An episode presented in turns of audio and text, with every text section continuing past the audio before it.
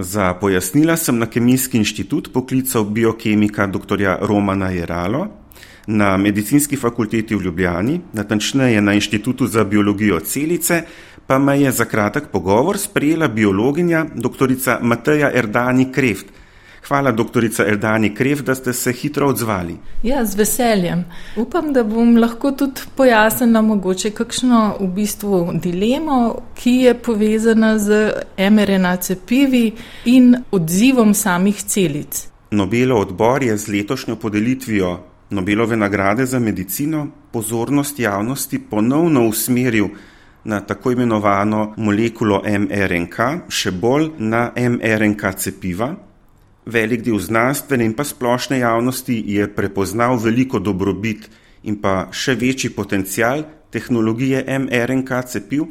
Kakšno je vaše mnenje o tem? Ja, moje mnenje je, da je pravzaprav ta tehnologija ena tistih, ki jo bomo v prihodnje verjetno srečevali mnogo pogosteje, kot si pravzaprav na začetku ali pa sedaj mislimo. Ta tehnologija je dejansko rešila, lahko rečem, milijone ljudi pred uh, izredno hudim potekom bolezni ali celo smrtno, uh, smrtnim izidom. Ta tehnologija omogoča pravzaprav prepoznavo določenih, recimo konkretno virusnega proteina strani našega imunskega sistema, imunskih celic, kar je izredno pomembno, da se v bistvu na tak um, protein oziroma nek virus lahko pravočasno imuniziramo. Obenem vidim izredno veliko prednost oziroma to tehnologijo tudi v smislu zdravljenja rakavih obolenj. Rakave celice so sicer naše lastne celice, ki pa so se tekom um, mutacij, torej običajno je teh mutacij lahko nekje 20 ali celo več, tako spremenile, da v bistvu povzročajo nevarnost za celoten organizem. Zaradi njihove izredno hitre delitve, torej proliferacije, nastajajo tumori, ki jih v bistvu ostale imunske celice ne prepoznajo, ker so to naše lastne pravzaprav celice. In ta tehnologija bi lahko v veliki meri lahko pravzaprav pomagala imunskemu sistemu, da prepozna rakave celice kot tujke. Trenutno potekajo torej, raziskave na raku, torej na melanomu, na raku trebušne slinovke in te raziskave so um, zelo obetajoče in upam, da bo to v prihodnje uh, vsekakor ena izmed pomembnih dodatnih ali dopolnilnih terapij pri uh, zdravljenju raka. Vi na vašem inštitutu pod elektronskim mikroskopom spremljate, kaj se zgodi s celico, če v njo udre virus SARS-CoV-2, ki povzroča COVID, ali pa prav tako lahko spremljate, kaj v celici povzroči mRNK cepivo proti COVID-u. Ja, načeloma bi vse to lahko torej zelo dobro vidimo z elektronskim mikroskopom, presevnim elektronskim mikroskopom. Objavljena je bila tudi ena študija torej v sodelovanju našega inštituta in inštituta za patologijo na sicer avtopsijskih vzorcih, torej tistih, ki so preminuli za boleznijo SARS-CoV-2, eh, spremembe na ravni, ki jo vidimo z elektronskim mikroskopom, so res izjemno hude. Gre za apoptotično, piroptotično celično smrt, pri kateri pravzaprav pride do velikih sprememb. Številnih organelov znotraj celice, potem pa zaradi vseh teh ekstremnih sprememb povzroči torej celično smrt. Kakšna pa je pot eh, mRNK cepiva oziroma te molekule, ki je v cepivu? Ja, njena pot je zelo skrbno načrtovana. Moramo lepo povedati, da te raziskave so potekale več kot 15 let in so pomembno prispevale k temu, da je sama MRNK, ki je kot v bistvu vakcina, um, nekoliko drugačna mRNA vstopi v notranjost celice, kjer pa gre po neki običajni poti. Če vas torej prav razumem, mRNK cepivo in njegova vsebina potekata v celici po eni taki nadzorovani poti, medtem ko virus pa naredi v celici tako rekoč eksplozijo. Tako, ja, točno tako. Lahko bi si predstavljali kot nek vulkan, ki pravzaprav v končni fazi razpoči celico, dejansko ji onemogoči normalno delovanje. Ultrazvok. Doktor Roman Jerala, pozdravljeni. Pozdravljeni. Vesel sem, da se slišiva. Letos sta si Nobelovo nagrado za medicino razdelila mačarska biokemičarka dr. Katalin Kariko in ameriški imunolog dr. Drew Weizmann. Njune raziskave so omogočile razvoj sodobnih mRNK cepiv proti COVID-u in paraku. Dr. Jerala, letošnja Nobelovca sta torej s pionirskimi raziskavami ugotovila, kako molekula mRNK spodbudi naš imunski sistem ali pa kako z njim reagira. V bistvu sta ona dva ugotovila, kako moramo spremeniti to RNK, da ga imunski sistem ne bo prepoznal kot nevarnega. Ne? Zato, ker imunski sistem prepoznava vse sorte uh, signalov, ki signalizirajo, da je celica v nevarnih razmerah. Recimo, če smo okuženi z virusi, ne, uh, ti virusi, predvsej virusov so sestavljeni iz RNK, je to en tak močen signal, da se celica začne braniti pred virusno okužbo.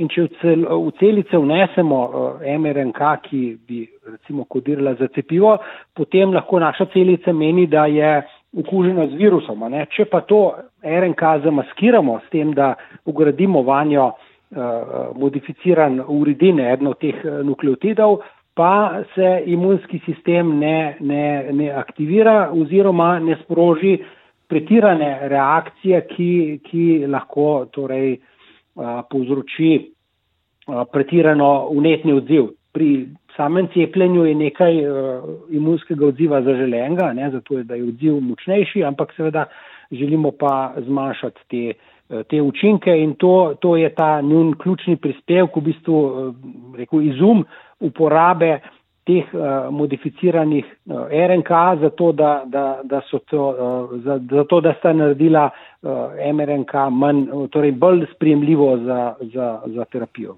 In da se lahko razvije ali pa uporablja kot cepivo. Tako je. Ja. Prvi MRNK cepivi, ki smo jih zelo množično uporabili, sta bili verjetno MRNK cepivi Pfizer in pa Moderna proti COVID-u. V čem je prednost mRNK cepiv v primerjavi s klasičnimi cepivi? Predvsem je prednost teh cepiv, da jih lahko zelo hitro prilagodimo. Torej, če, vzamemo, če pogledamo sestavino takšnega mRNK cepiva, je ta zapis mRNK, to je molekula, ki jo lahko sprogramiramo, praktično digitalno zdravilo, ne? lahko izberemo katerikoli zapis. In ta molekula RNK je zaprta v takih maščobnih eh, kroglicah, da je zaščitena pred razgradnjo in omogoči vnos v celice. Ne? In ključno je to, da lahko zapis za to RNK poljubno spremenimo. Sama tehnologija priprave cepiv ostaja popolnoma enaka, tudi uh, stranski učinki zaradi uh, tega cepiva so, so, so enaki, ampak lahko uh, v bistvu samo spremenimo zaporedje in na osnovi tega zdaj lahko prilagodijo cepiva uh, enkrat letno, lahko pa seveda po želji tudi hitreje za nove različice virusa ali pa seveda, če bo prišlo oziroma ko bo prišlo do, do nove uh, kakršne koli drugega pandemskega virusa, lahko zelo hitro uh, pripravimo cepiva, ki so prilagojena temu. Zelo verjetno hitreje, kot je bilo v, v primeru v primeru eh, te, te pandemije, zato ker je to že preizkušena tehnologija, eh, torej znajo raziskovalci in tovarne proizvajati v veliki količini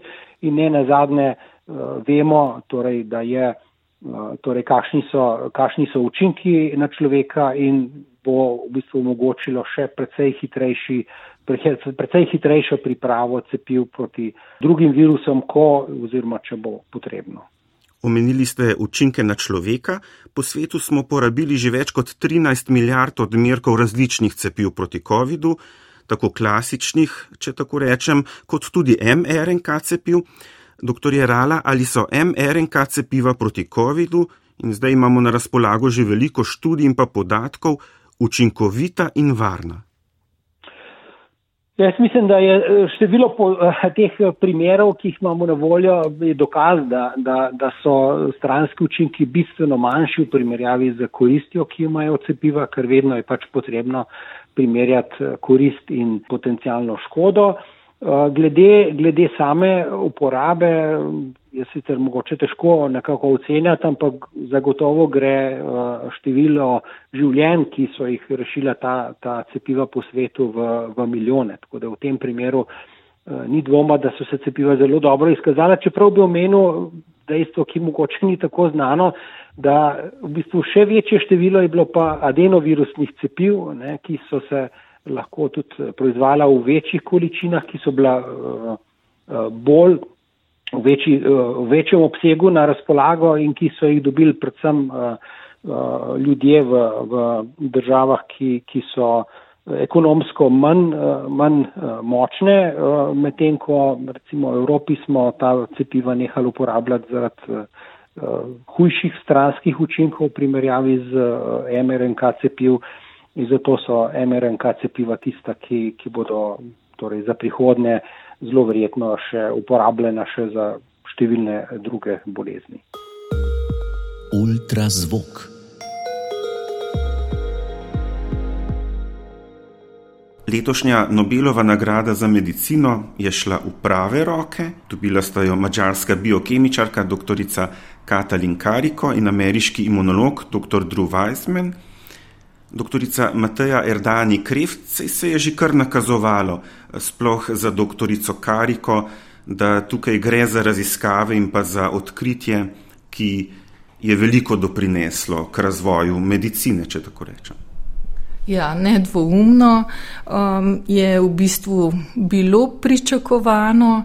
Uh, predvsem bi tukaj mogoče povdala, kar je izredno pomembno, ne, uh, gre za timsko delo dveh znanstvenikov in njunih raziskovalnih skupin in kaže na uh, pravzaprav izredno pomembnost tega timskega dela v vseh praktično področjih znanosti. Tukaj imamo torej, preplet biologi, celične biologije z biokemijo in um, imunologijo in pravzaprav lahko se samo zavedamo ali pa učimo iz tega, da pravzaprav več različnih strok iz več različnih področji, različni pogledi dajo lahko skupaj izjemen uspeh in izjemno odkritje.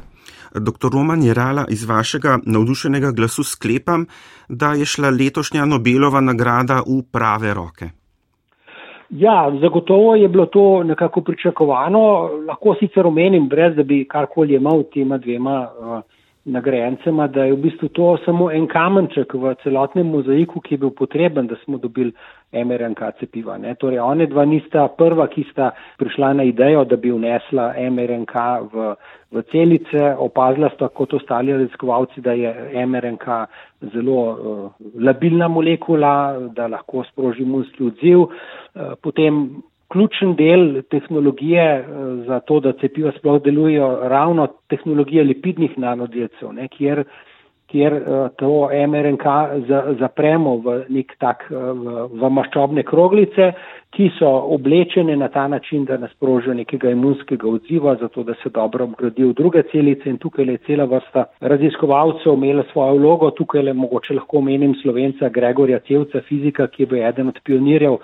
priprave skritih liposomov, torej oblečenih s polietilen glikolom, ki je eden od bistvenih uh, prispevkov tega cepiva. Torej, teh uh, avtorjev, torej ljudi, ki so prispevali k, k razvoju MRNK cepiv, je veliko, njun prispevek je velik. Ali ste vi že kdaj srečali ali pa poslušali katerega od obeh letošnjih eh, Nobelovih laureatov, mačarsko biokemičarko dr.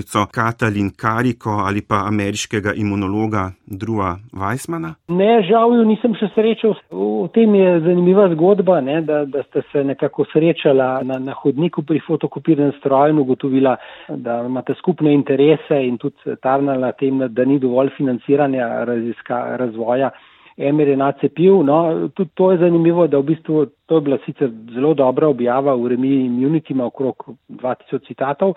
ampak Katalin Kariko ni mogla dobiti projekta ameriške organizacije, ki financira NIH, torej, ki financira te, te, te raziskave in zato je v bistvu mogla iti iz akademske znanosti v, v, v podjetje, kjer so se za njeno znanje s pridom uporabili. Ampak to le kaže, da je seveda akademska akademska karijera je kar precej, precej zahtevna, naporna, torej zelo, zelo kompetitivna.